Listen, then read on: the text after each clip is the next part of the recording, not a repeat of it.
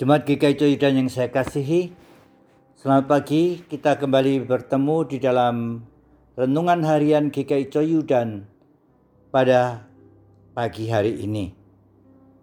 Tema yang akan saya berikan adalah kasih. Bagian yang kedua yang terambil dari Roma pasal 12 ayat yang ke-13. Mari kita bersama-sama berdoa. Tuhan terima kasih kami boleh kembali hadir di dalam perenungan pagi hari ini. Kami mau membaca dan merenungkan firman-Mu, kiranya Tuhan menolong kami. Amin. Secara berbicara tentang kasih, tidak pernah ada habisnya. Tetapi jangan sampai berbicara tentang kasih tanpa pernah mempraktekkan kasih. Bacaan kita Roma 12 ayat 13 berbicara Bantulah dalam kekurangan orang-orang kudus dan usahakanlah dirimu selalu memberi tumpangan. Ayat ini berbicara tentang kasih. Kasih itu nyata dan bukan sekedar kata-kata yang indah. Bantulah berarti anjuran atau perintah yang disampaikan dengan lembut. Anjuran untuk saling menolong. Sikap dalam meringankan beban orang lain. Sikap peduli atau sikap yang mau berbagi. Memberi yang kita punya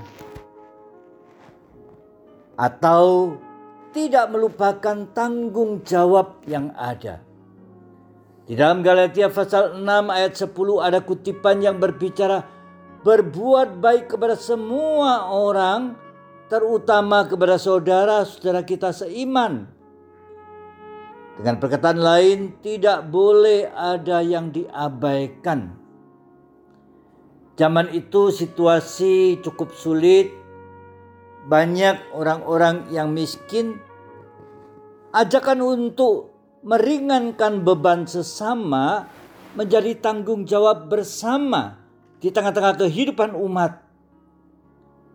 Demikian juga saat pandemi ini, banyak saudara-saudara kita yang hidup di dalam kekurangan. Setelah hal yang kedua, kasih itu dinamis, bisa berkembang dan perlu ditingkatkan. Kata-kata usahakanlah punya arti tidak bersikap acu tak acu. Sungguh kiat tidak pasif. Tidak menunggu sampai orang mengetuk pintu rumah kita atau hati kita. Tetapi mencoba berpikir siapakah yang butuh tumpangan dalam situasi pandemi, tentunya tidak mudah memberi tumpangan. Tetapi setidak-tidaknya ayat ini memberikan pengertian bahwa kasih itu tidak pasif. Tidak cuek terhadap penderitaan orang lain. Tidak bersikap masa bodoh tatkala melihat orang lain di dalam kesengsaraan hidup Sebaliknya kasih punya kekuatan untuk melakukan perkara-perkara yang besar dalam pengertian yang mustahil sekalipun. Kasih itu berkobar-kobar. Punya semangat yang luar biasa yang tidak mudah untuk ditahan maupun untuk dibendung bahkan untuk dipatahkan. Kasih itu menyambut siapa pun. Kasih itu menerima siapa pun masuk ke dalam kehidupannya. Kasih itu memberi dan memaafkan. Ada empati yang mampu memberi rasa aman tenteram. Tuhan Yesus berkata, Barang siapa menyambut sesamanya yang paling hina, ia menyambut aku.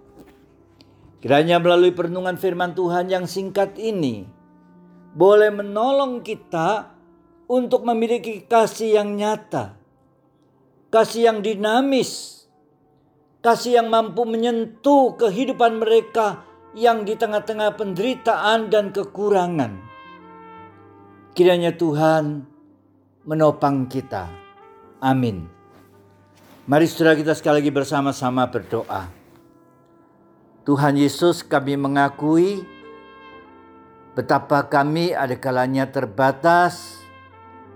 Di tengah-tengah situasi yang sulit kami cenderung untuk berpikir tentang diri kami, tentang orang-orang yang kami kasihi.